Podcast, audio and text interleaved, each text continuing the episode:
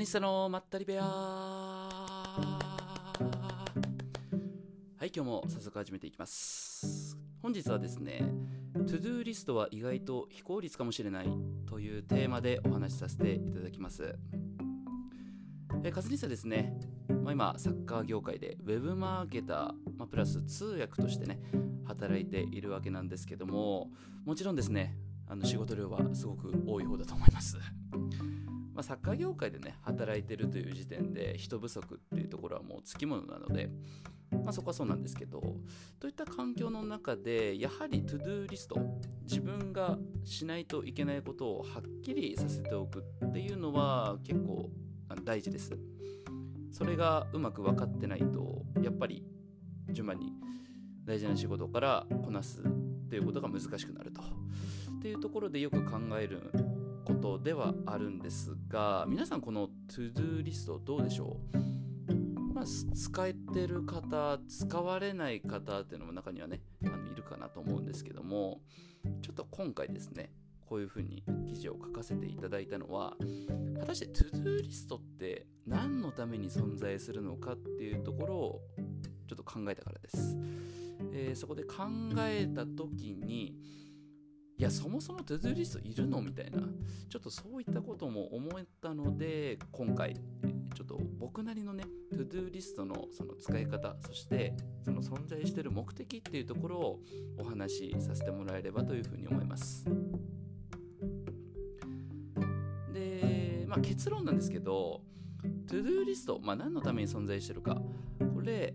まあ、そのね言葉の成り立ちから見ても結構はっきりしてるかなというふうに思っていてでどういうことかというと To Do リストっていうのはちょっとねあのこれもちろん英語から来てる言葉であってそしてこの To Do リストの成り立ちというのはですね To Do の前に、まあ、Things、ものですね。ものの複数形。これが前にあってそれを就職してるような、まあ、単語だというふうに言えます。これ皆さん中学英語ちょっと覚えてらっしゃいますか？不定詞ってありましたよねあのー、動詞の前にこう to っていうものがついて例えば to study とかも to play とかそういった表現にはなるんですけどその to play の前に一つ名詞があることでその名詞をその動詞が就職するというような形で形容詞用法というふうに言われます。まあ、これと全く同じ形をしているのがこの To-Do リストなんですが、ここから、まあ、考えてもですね、To-Do リストというのは、やっぱりこう何々をするためのであったりとか、あとは何々するべきといったこう義務感を感じさせるっていうところもあると思います。まあ、つまり、つまりですよ、こういった言葉の成り立ちから見ても、 ToDo リストがまあ、存在してる目的っていうのはこうやってやることを完了するために存在してるってことですよね。うん、あのここは間違いないかなというふうに思ってます。まあ、繰り返しちょっとこれ大事なことなのでもう一回言います。 ToDo リストはやることを完了するために存在してると。うん、でそうなった時にということですよ。これ極論言うと実際にやることが完了するのであればこれトゥドゥリストいらないということですよね。うん。必ずしも必要というわけではないということがまずここでわかると思います。えー、そう考えた時にそしたらどういうふうにトゥドゥリストを使っていけばこういうふうにやることを完了させていくことできるのかっていうとこですよね。えー、その部分をちょっと僕のね実際の使い方とかも見ながら、まあ、お話ししていきたいなというふうに思います。あのこれですね絶対に正しいやり方というのは絶対なくて僕もねなのであの違う使い方とかあれば教えてほしいぐらいなんですけどそういったところで、まあ、僕の使い方も含めちょっとお話をねあのさせてもらえればと思います。でまずですねまあ、ちょっと皆さんにもこれお伺いしたいのが、 ToDo リスト、まあ、使ってる方、何を大切にしながら使用してますかっていうところですね。で、僕は、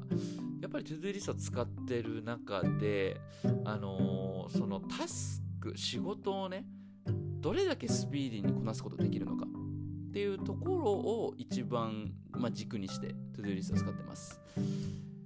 そう考えた時に一番便利な、まあ、ツールというのが Google Keep だなと思ってます。うん、Google Keep ですね。あの Google アカウントを持ってる人であれば全員が使えるあの便利なアプリです。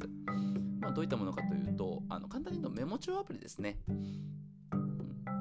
メモのようにサクサク思いついたことを書けるんだけども中に機能としてチェックボックスを置けるっていう、うん、そこがすごくいいなと思って僕 Google Keep を使ってますあのデザインもすごくシンプルでめちゃめちゃ使いやすいですね。でもう一つその使ってる理由としては自分でメモをした内容チェックボックスで作った内容を同じ Google アカウントを持ってる別の方に共有することができるというところですね。えつまりこの共有機能で何ができるかっていうとチームで動くことができるっていうことですね、つまり自分一人の課題だけではなくてチームの課題をそこのメモ帳に書いていけばそしてそれを共有していけば一括管理をして全員が課題を見れると。そしてどの課題が完了していてどれができてないのかっていうところがすごく分かりやすくなると、えー、そういったところですごく便利なんですねこの Google Keep というふうな使い方を、まあ、僕はしてるわけなんですけども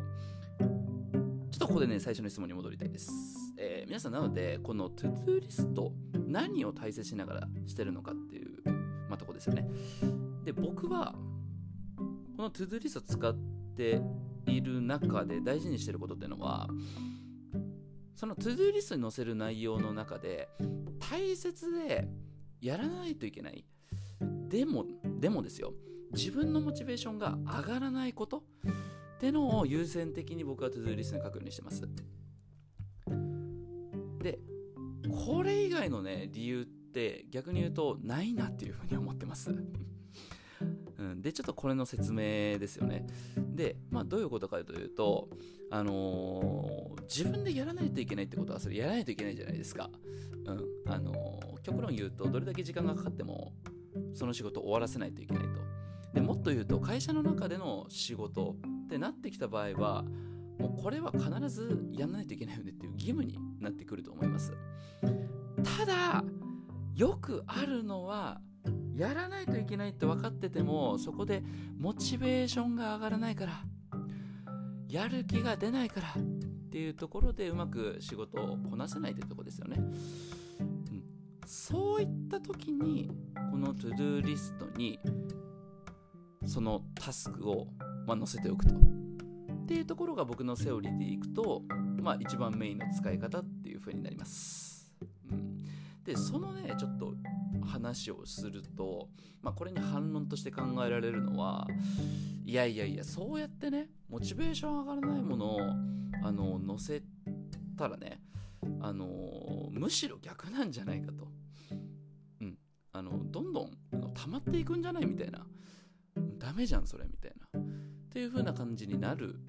まあ、そういうことをね。言う方もおられるかなと思うんですけどあのこの時点で本末転倒なんですね。うん。そうなっちゃうと本末転倒。でどういうことかというと皆さん ToDo リストの目的覚えてらっしゃいますでしょうか？これはあくまでちょっと僕の考えなんですけど ToDo リストはあくまで存在してる目的っていうのは課題を完了させることなんですね、に完了させていくか。つまりここに感情とかモチベーションなんてのは全く関係ない話なんですよ、一切関係ない。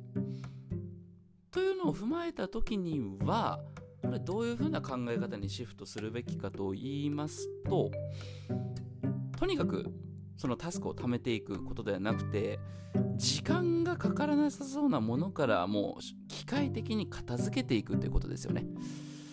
でなので例えば考えられるのは何々さんに電話であったりとかどこどこにメールとかあとはそうですねミーティングの資料作成とか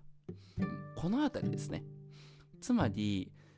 あまり時間がかからなさそうで大事なタスクだけでもやらないといけないけどもモチベーションが上がらないっていうタスクですよね。これは書く必要がないかなと僕は思います。で書く前に今しようぜっていう話ですね。うん。あのもう気づいた今やりましょうと。っていうところがこの todo リストに載せるか載せないかっていうところの住み分けになるかなと思ってます。ねえ。いやただ難しいですよ。こういうふうに僕も言ってますけど実際、まあ、会社についてで今日よっしゃやることって整理していてあああの人に電話しないといけない。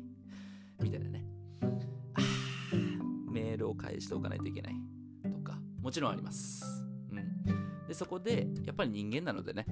あのうわやりたくねみたいな言葉には出さないんですけどおちょっと腰が重いなみたいになる瞬間って絶対あるんですよね。ただそこでいかに機械的に処理できるか。そこをできるかどうかというのがすごく自分の生産性をまあね高めるかどうかというところにつながるのではないかなというふうに思ってます、うん、ここ永遠の課題ですよね。いやー仕事ねすごくこういった自分の感情との不一致っていうとこでね考える方っていうのも多いかもしれませんが、えー、ぜひぜひねちょっと今日は todo リストの話をしてきたんですけどもあの今気づいたらですね、えー、どういうふうに仕事をね完了させるかみたいな話にもつながったあところでした。えー、というところでですね、えー、今日のこの To-Do リストの使い方、To-Do リストはもしかしたら非効率かもしれないというテーマでお話をさせて、えー、いただきました。えー、カズニスタですね、毎週このポッドキャスト1回、えー、火曜日、水曜日あたりに、えー、更新をしております。そしてこちらの内容はですね、えー、もっと詳しく聞きたい方は、あ見たい方はですね、えー、ノートでカズニスタというふうに調べていただければ、えー、ノートでじっくり、え、読むことできますので、ぜひぜひお時間ある方はそちらも確認いただけると幸いです。え、その他ですね、え、個人的に YouTube であったり、あとは TikTok でですね、サッカー業界を盛り上げていきたいという活動をしております。こちらもぜひぜひチェックしていただければと思います。というところで今日の配信は以上になります。えー、素敵な一日をお過ごしください。カズニサでした。アディオース